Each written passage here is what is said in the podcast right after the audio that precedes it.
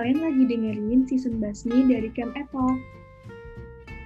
Basmi adalah bincang asik alumni dan di sini bakal ditemenin oleh alumni dari Teknik Kimia Universitas Basmaret. Semoga bermanfaat ya. Oke, halo semuanya. Selamat datang di Kemet Talk Podcast episode kedua bersama saya, Akif Marus Ali, sebagai podcaster kalian dari Angkatan 2019. Uh, kali ini saya sudah ditemani oleh narasumber yang luar biasa kece-nya, luar biasa kerennya. Beliau adalah Teknik Kimia Angkatan 2015 yang lulus pada tahun 2019 dan melanjutkan S2-nya di Teknik Kimia UNS dan lulus pada 2021 dengan IPK sempurna 4.0. Inilah dia Mbak Anissa Raditya. Halo Mbak. Halo, selamat malam. Ya, uh, apa kabar Mbak? Alhamdulillah baik. Masih sehat-sehat selalu ya, Mbak ya? Iya. Posisi sekarang lagi di mana ya, Mbak? Uh, sekarang masih di kos di Solo. Masih di Solo. Hmm, oke. Okay. Oke Mbak, jadi saya udah baca banyak banget nih dari Mbak di CV-CV-nya Mbak, banyak banget nih pengalamannya, work experience, social activities, achievement, organizational experience, community experience, dan bahkan Mbak sudah mempublikasikan 10 jurnal ya Mbak ya? Uh, ya itu ada yang gabungan sama orang lain juga sih.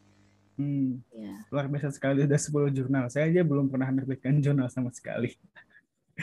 Oke, okay, uh, eh, jadi Mbak, uh, ya, nanti Mbak kan sambil jalan. Oh iya. Oke Mbak, jadi kan Mbak di sini setelah lulus S2 di Teknik Kimia UNS, Mbak langsung mendapatkan beasiswa dari pemerintah Korea ya Mbak ya? Iya. Nah, itu Mbak bisa tahu ada beasiswa dari Korea itu gimana ceritanya Mbak? Uh, sebenarnya kalau apa beasiswa ke, ke luar negeri itu uh, saya udah nyari dari lulus S1 ya. Hmm. Tapi pas lulus S1 itu karena sama orang tua belum boleh keluar, jadi masih ngambilnya yang di UNS. Dan pas itu sebenarnya uh, titik apa titik pengen ke luar negeri lagi itu pas ada seminar judulnya kayak mimpi tanpa aksi itu halusinasi namanya. Nah, hmm. mulai dari itu uh, aku punya apa cita-cita gitulah habis S2 ini bakalan ke luar negeri, uh, bakalan lanjut ke luar negeri. Nah, dari itu mulai cari-cari info uh, yang apa beasiswa penuh gitulah karena kan ya background saya nggak terlalu mampu gitu maksudnya nggak bukan nggak terlalu mampu tapi masih menengah ke bawah gitu.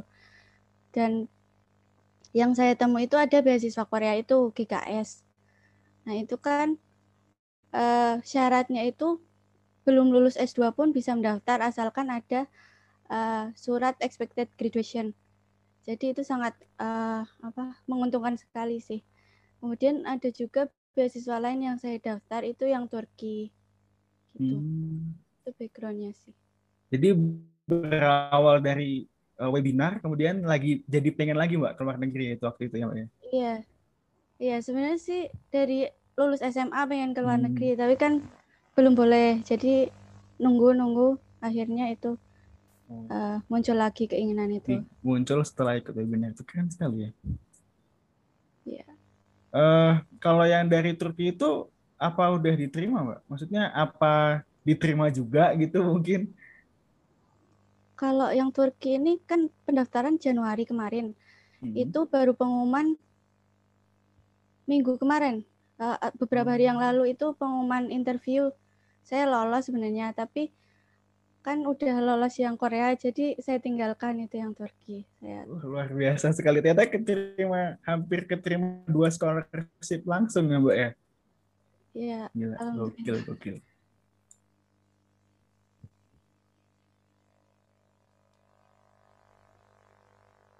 Nah, kalau beasiswa apa ini Mbak GKS ya? GKS ini dia mem memberikan apa aja sih Mbak? Dia ngasih apa aja gitu?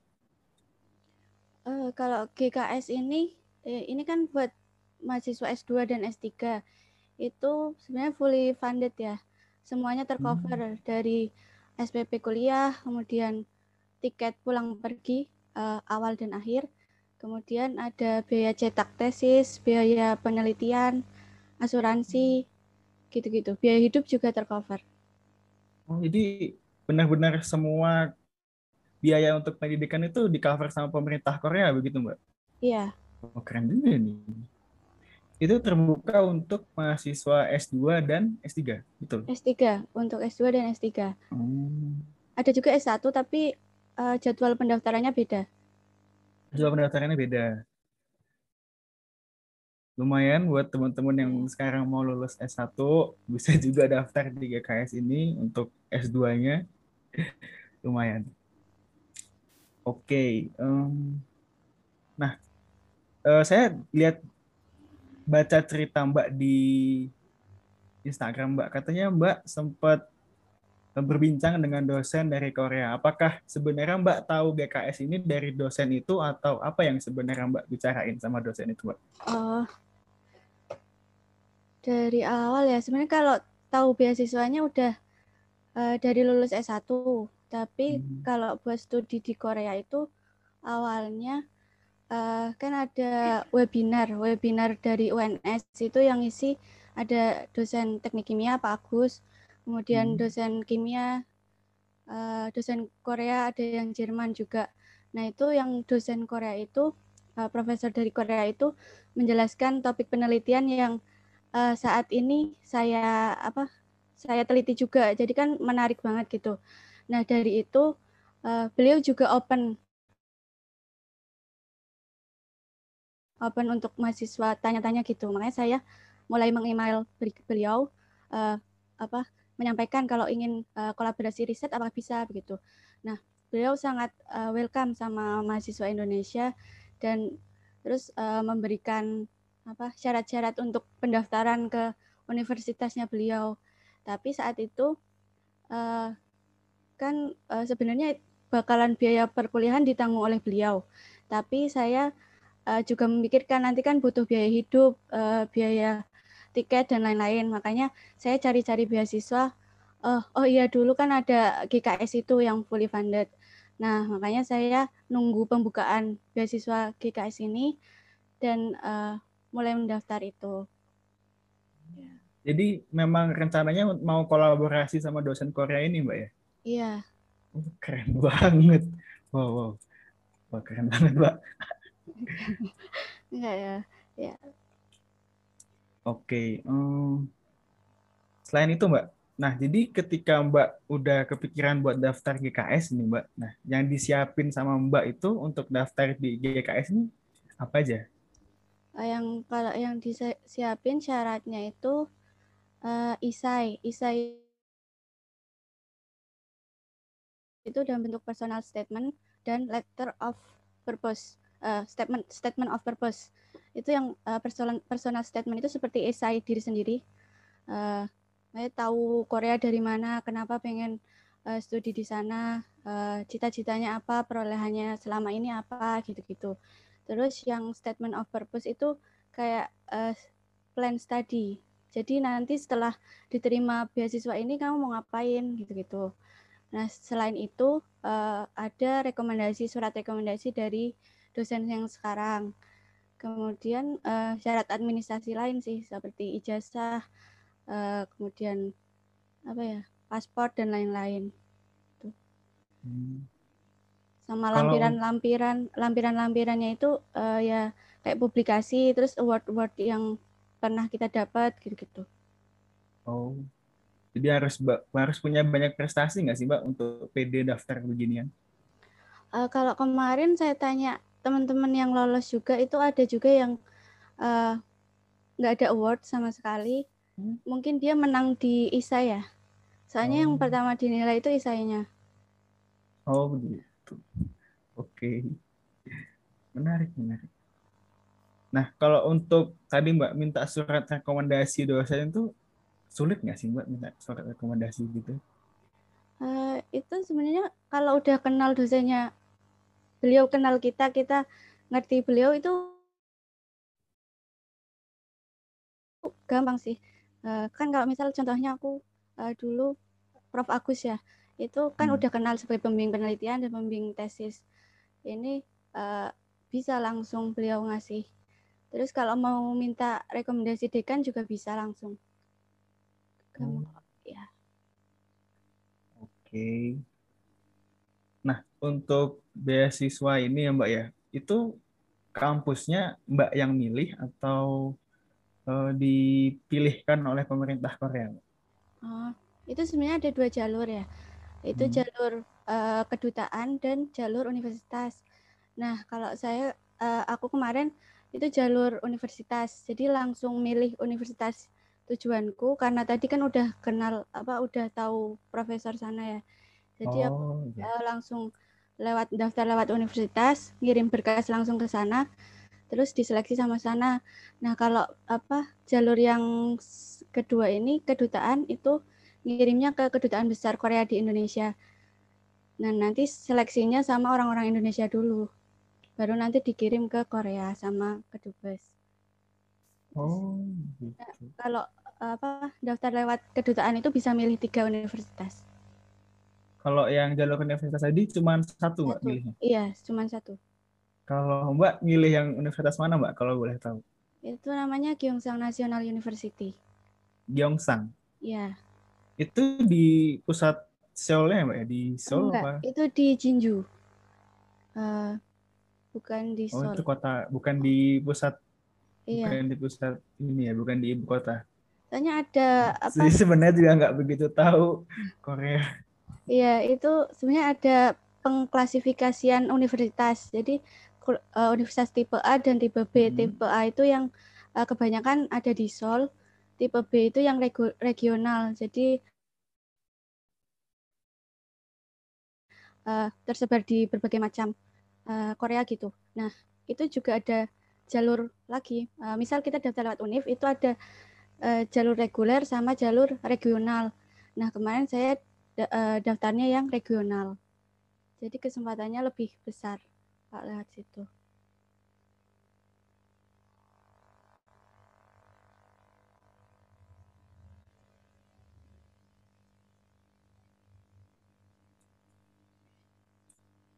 Oke. Oke, menarik juga ya untuk daftar beasiswa ini. Hmm, nah, menurut Mbak nih, kan kita mahasiswa masih S1 gitu. Nah, kira-kira yang bisa kita siapin dari sekarang ini untuk mendaf bisa mendaftar scholarship kayak Mbak ini apa aja ya? Eh, kalau buat eh, beasiswa umum ya, eh, sebenarnya cukup aktif sih, harus aktif eh, sebagai ma- mahasiswa. Bisa aktif di organisasi, terus kegiatan-kegiatan sosial, terus ikut perlombaan, eh, juga publikasi. Eh, itu harus ditingkatkan mulai dari mahasiswa, Eh, mulai dari saat mahasiswa gitu.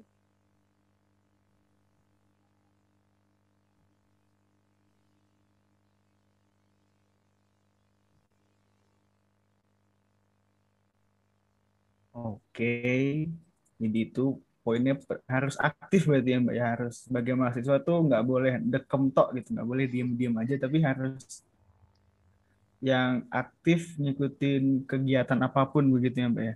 Iya, betul.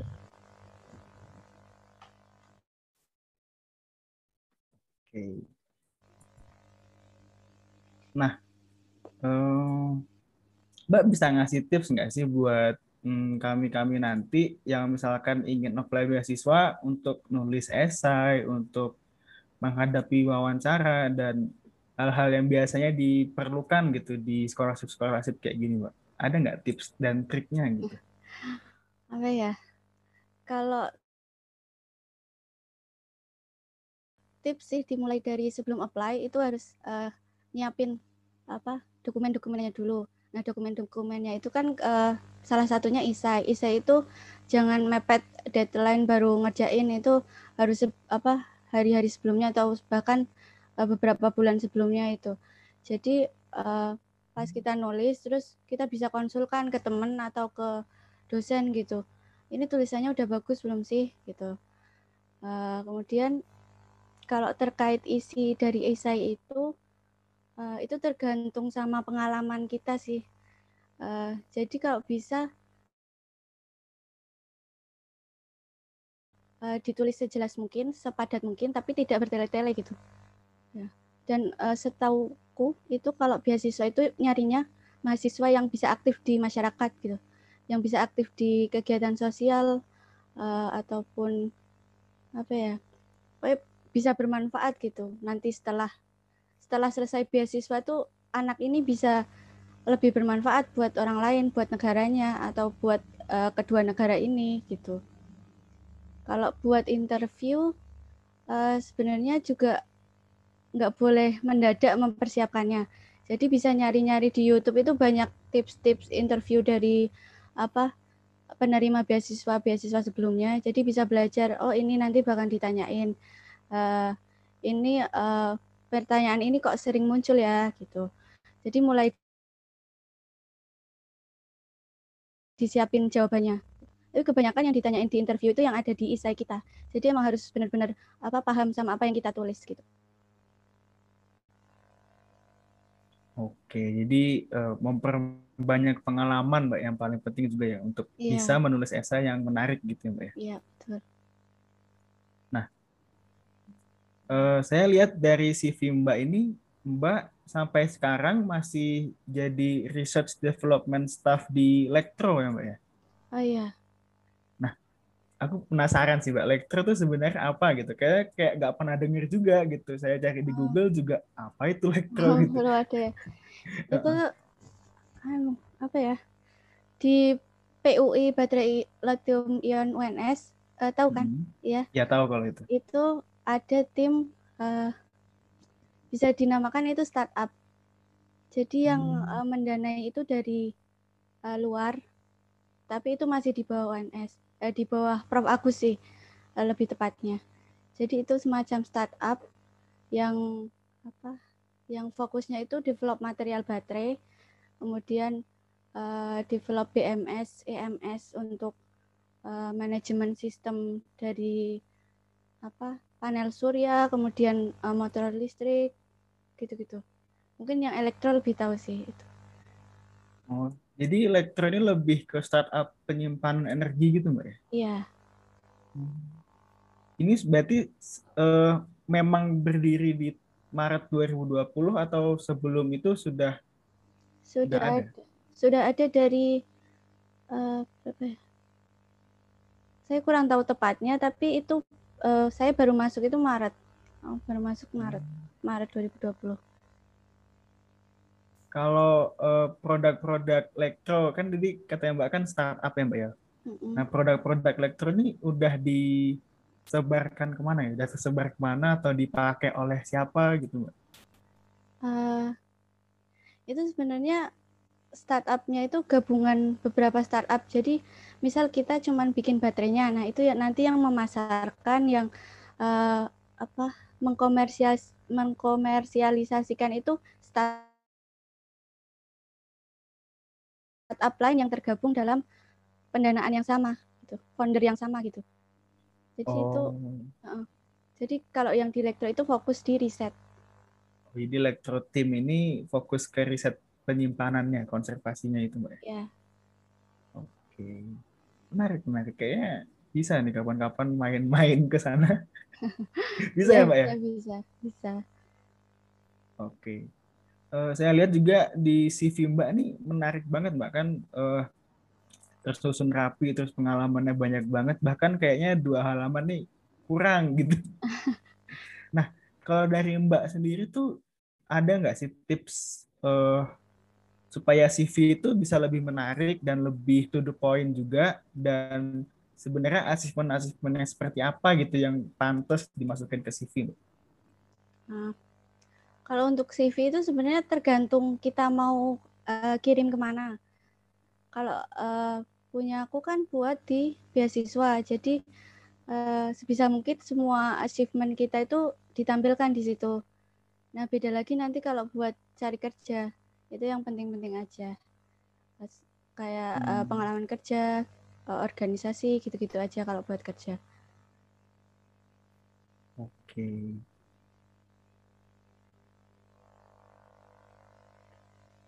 Nah, uh, selanjutnya Mbak ya, uh, kalau dari Mbak sendiri nih, biasanya hal-hal kecil apa sih yang mungkin Mbak lihat kayak sering diabaikan, tapi sebenarnya itu tuh hal yang sangat penting gitu, hal-hal yang sangat krusial, tapi kadang dianggap sepele gitu sama eh, orang-orang. Nah, menurut Mbak tuh ada nggak sih yang seperti itu?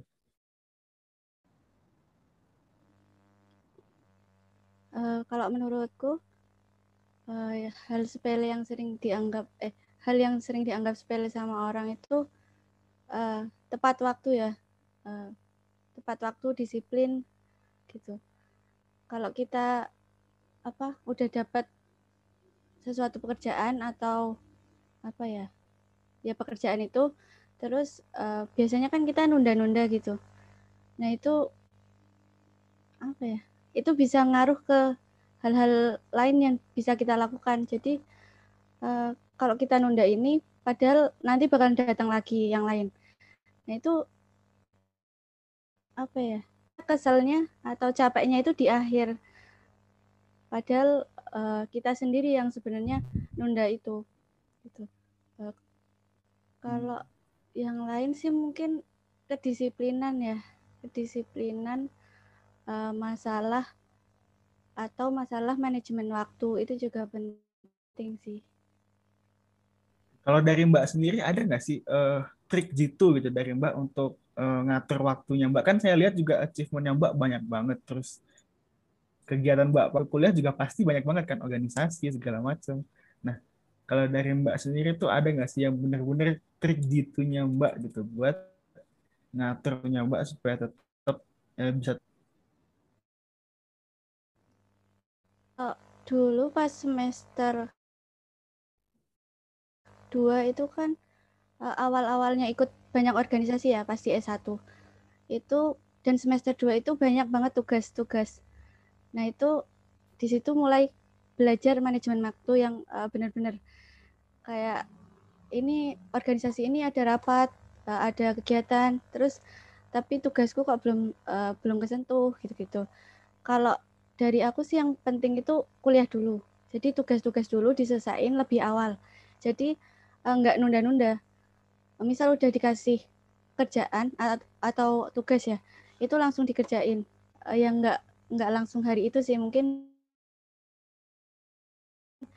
uh, beberapa hari. Terus baru nanti fokus ke uh, organisasi dan misal kan ada banyak organisasi yang diikutin kemudian itu, itu tabrak itu uh, sebenarnya cara prioritasin itu uh, ya di organisasi itu kita sebagai apa. Jadi kita punya peran uh, peran sebesar apa di situ. Misalnya di uh, di kedua organisasi yang tabrakan uh, kegiatan itu. Dan misal yang satu bisa ditinggal dan diserahkan ke yang lain, itu kan bisa aja. Nah, gitu sih Kak. Jadi itu ya penting banget sih ternyata emang sebenarnya saya juga uh, makin ke sini kadang makin ngerasa gitu oh kayaknya manajemen waktuku masih jelek banget gitu kayak yang kadang masih keteteran gitu mungkin uh, dengan tips dari Mbak mungkin saya bisa juga jadi lebih baik lagi Mbak. Iya sama-sama belajar. Oke, okay, uh, uh, tadi kita balik lagi ke beasiswa tadi Mbak ya. Tadi kan Mbak bilang kalau waktu SMA Mbak udah ingin keluar negeri nih, tapi nggak dibolehin sama orang tua. Terus sekarang S2-nya malah dapat beasiswa doktoral gitu. Nah, gimana sih Mbak ngeyakinin orang tua Mbak gitu? Kok akhirnya diizinkan untuk bisa ngambil beasiswa ke luar negeri? Itu dulu uh, pas S1 ya, mau S1 itu kan mau apa daftar beasiswa yang Jepang. Terus itu belum boleh uh, terus pas S2 itu sebenarnya uh, udah mau nembusin orang tua mau apa nyari beasiswa ke luar negeri tapi ternyata juga belum boleh. Terus uh, nah ini pas pertengahan S2 itu cerita tentang apa dosen-dosen yang udah keluar negeri. Terus uh, tadi dosen Korea yang uh, nyampein uh, penelitiannya. Nah, nah dari itu mulai apa kan cerita ke orang tua, terus orang tua sih kayaknya udah ngerti kalau aku tuh mampu gitu, maksudnya mampu buat bertahan di sana. Kan yang ditakutkan orang tua kan uh, anaknya ini bisa nggak sih bertahan di negara orang gitu. Nah di umur ini mungkin uh, dilihat sama orang tua tuh udah mampu gitu, makanya mulai didukung uh, dari uh, proses apply, uh, terus interview semuanya uh, harus dengan dukungan orang tua. Jadi udah benar-benar didukung sepenuhnya Mbak ya sama orang tua untuk beasiswa yang S3 ini? Iya. Um, kalau menurut Mbak nih Mbak, uh, seberapa penting sih sebenarnya support dari keluarga, terus support dari teman mungkin. Nah itu menurut Mbak seberapa penting support-support yang diberikan oleh orang-orang itu terhadap uh, perjalanan Mbak selama ini? itu apa itu merupakan suatu yang uh, sangat mendorong apa ya mendorongku buat mewujudkan cita-cita itu sih jadi uh, mereka itu nggak kayak uh, uh, ngejudge kalau uh, apa emangnya kamu bisa ke sana? Emangnya kamu bakalan tahan di sana? Gitu-gitu. Jadi yang aku dapat dari mereka tuh kayak dukungan. Jadi uh, ya kamu bisa. Terus uh, nanti aku bantu ini ininya gitu. Ya mereka sangat uh, itu bisa naikin semangat lagi lah masa aku uh, bakal apa mengecewakan mereka dengan apa tidak sungguh-sungguh dalam apa uh, apply ini dalam interview atau dalam lain-lain itu kan nggak nggak banget Hmm. Jadi memang sangat penting ya peran orang lain di kehidupan Mbak ini, Mbak ya. Mungkin di kehidupan iya. semua orang juga sama sepertinya.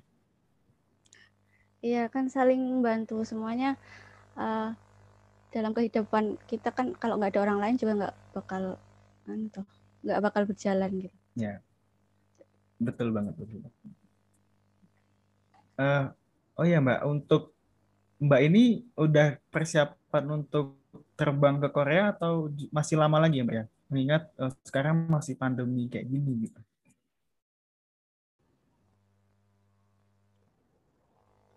Uh, sebenarnya dijadwalkan itu awal Agustus berangkat. Tapi ini juga masih menunggu kabar uh, tentang visa.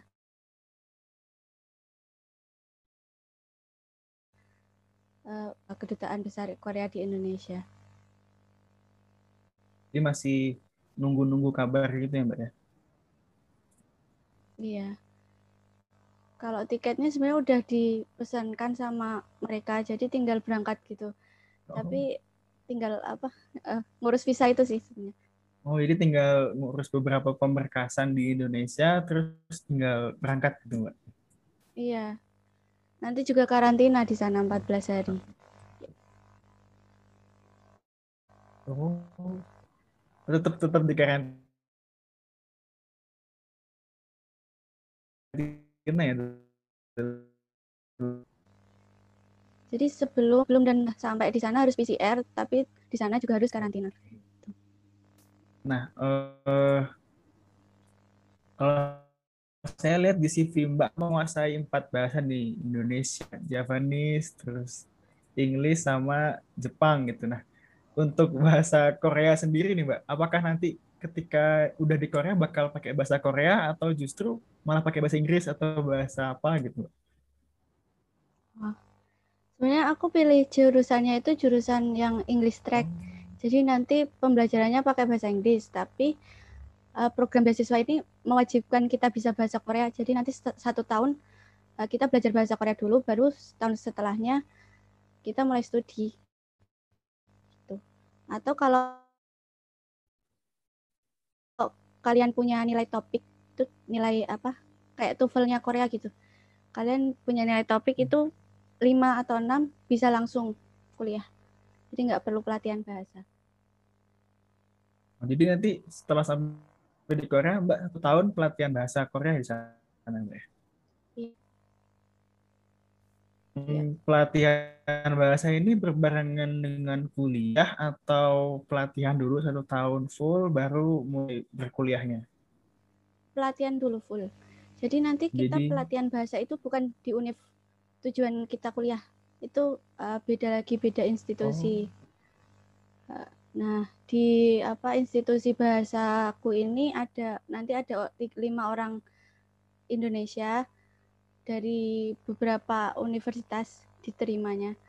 Jadi nanti kita belajar di sana setahun nanti setelah setahun itu atau sebenarnya lebih cepat enam bulan kalau bisa dapat nilai eh, topik itu lima atau enam. Nah, langsung lanjut studi gitu, pindah ke universitas yang kita tuju tadi. Karena ini Hmm. beasiswa GKS ini sebenarnya nggak butuh nilai TOEFL. Itu nggak ngewajibin, ya? nggak nggak ngewajibin nilai TOEFL, tapi kalau kamu bikin itu jadi nilai plus. Oh. Dan eh, tergantung juga sih universitasnya. Universitasnya itu wajib, kamu wajib mm, apa nyantumin nilai TOEFL apa enggak gitu. Karena biasanya beasiswa-beasiswa ke luar negeri ini perlu mencantumkan nilai TOEFL, tapi ini enggak mbak yang di GKS ini mbak. Eh, Enggak wajib kalau gitu ya. wajib eh, yang nggak wajib eh, itu ada Korea, Turki, Rusia gitu nggak wajib kok. Tapi kalau kalian bisa nyantumin itu jadi nilai plus.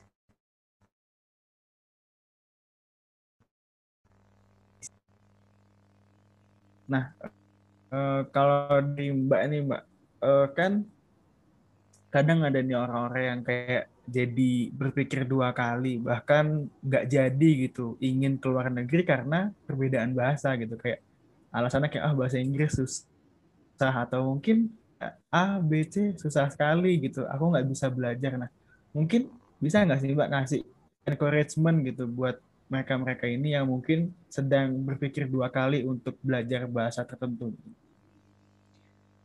Eh, sebenarnya kalau itu eh, aku jadiin motivasi sih.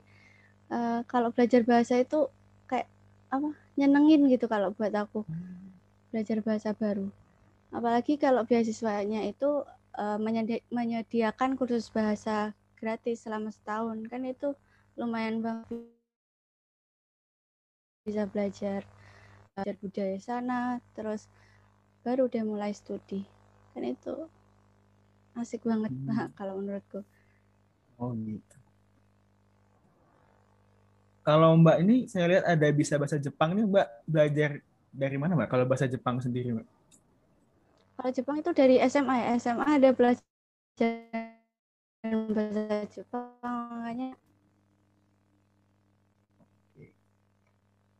Oke Mbak.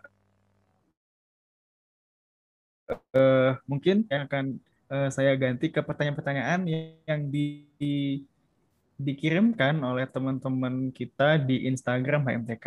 Jadi ada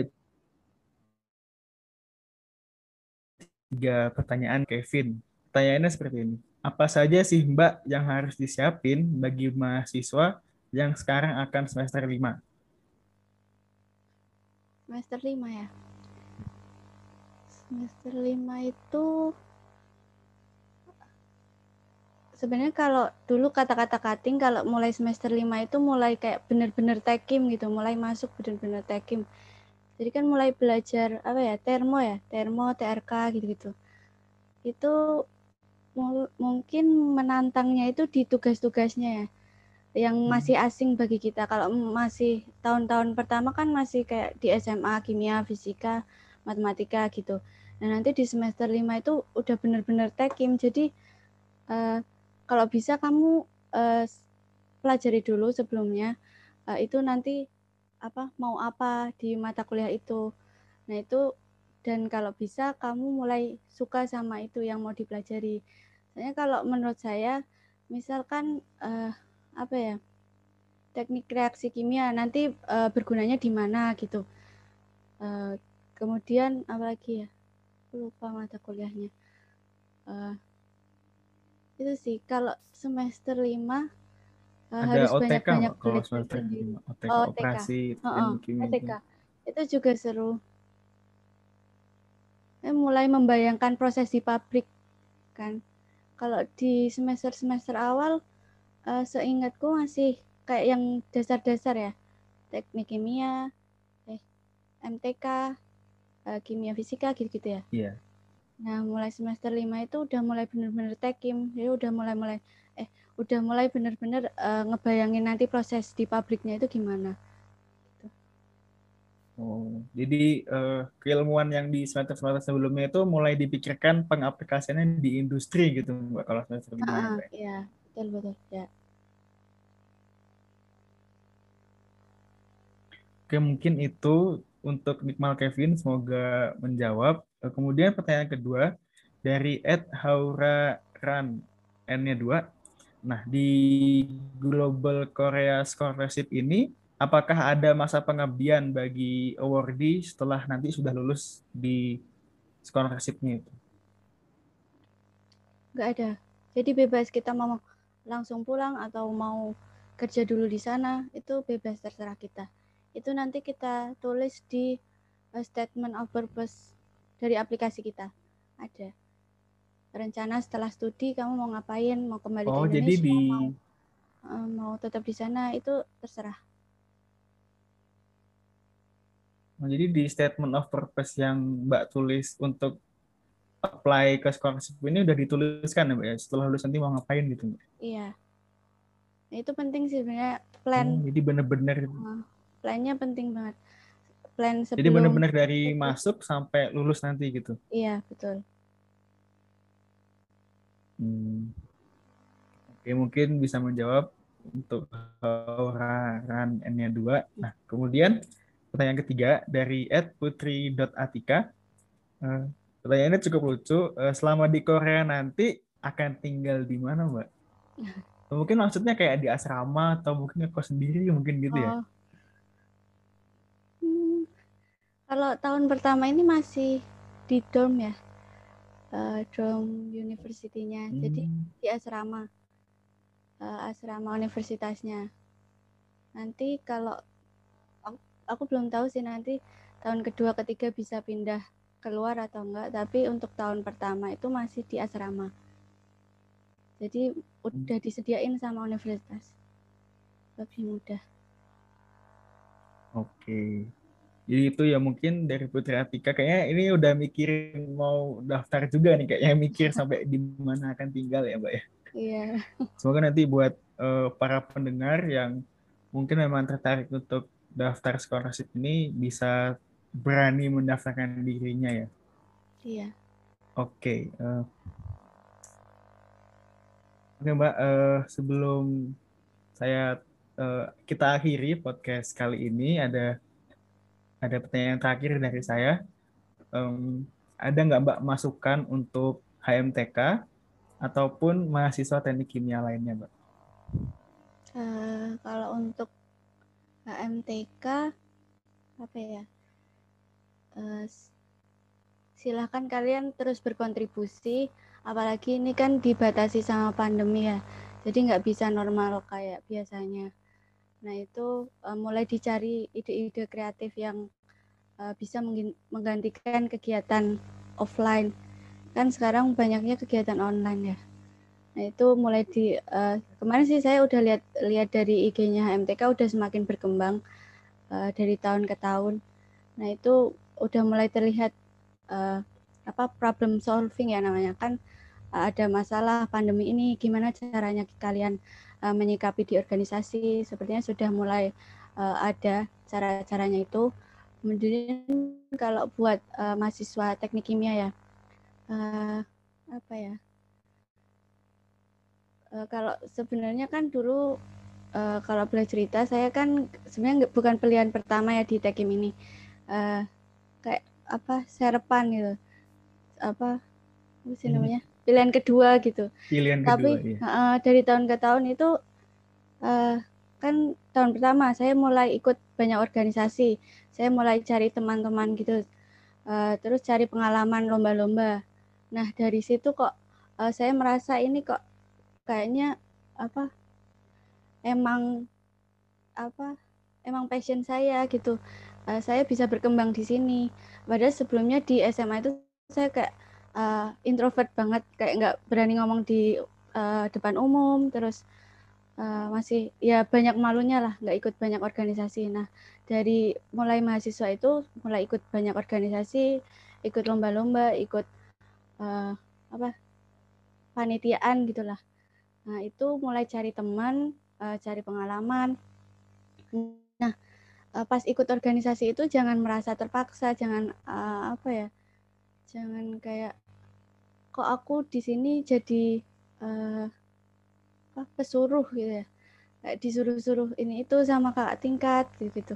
itu sebenarnya uh, punya nilai tersendiri nanti di kalau kalian udah selesai organisasi selesai uh, apa selesai selesai dalam uh, pengalaman itulah selesai dalam kegiatan itu kalian bakal ngerti ini ternyata yang aku alami kemarin itu apa bermanfaat banget ya uh, ada banyak nilai yang diambil dari pengalaman-pengalaman itu terus kalau buat kuliah uh, jangan merasa tertekan sama kuliahnya, tugas-tugasnya, karena itu yang akan membentuk kalian gitu. Di setiap matkul itu pasti ada nilai-nilai tersendiri yang uh, mungkin pas kalian belajar itu sebenarnya belum ngerti ini apa sih gitu. Tapi nanti uh, apa lama kelamaan kalian bakal ngerti. Jadi santai aja, jangan terlalu stres. Kalau ada apa-apa bisa tanya ke kak tingkat uh, atau teman yang lebih mampu lah. Oh ya, dan juga mulai Bisa saya simpulin lebih uh, menikmati prosesnya gitu, Mbak. Iya. Apa tadi?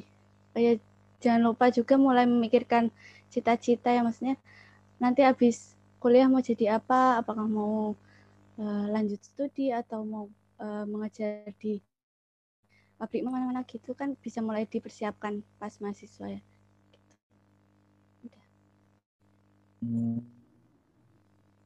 Jadi di itu ya uh, mungkin menikmati prosesnya kita terima seluruh prosesnya dan juga sembari kita mempersiapkan sebenarnya kita mau apa di masa depan gitu mbak ya iya betul oke uh, mungkin uh, cukup sekian pertemuan kita kali ini mbak Anissa uh, dan ini menjadi akhir dari podcast Kemetalk episode 2 uh, untuk teman-teman yang lagi mendengarkan tetap patuhi protokol kesehatan, jaga kesehatan, jangan keluar rumah jika tidak diperlukan, dan kita bertemu lagi di Kemetalk episode ketiga. Terima kasih semuanya. Terima kasih Mbak Anissa. Ya, sampai jumpa.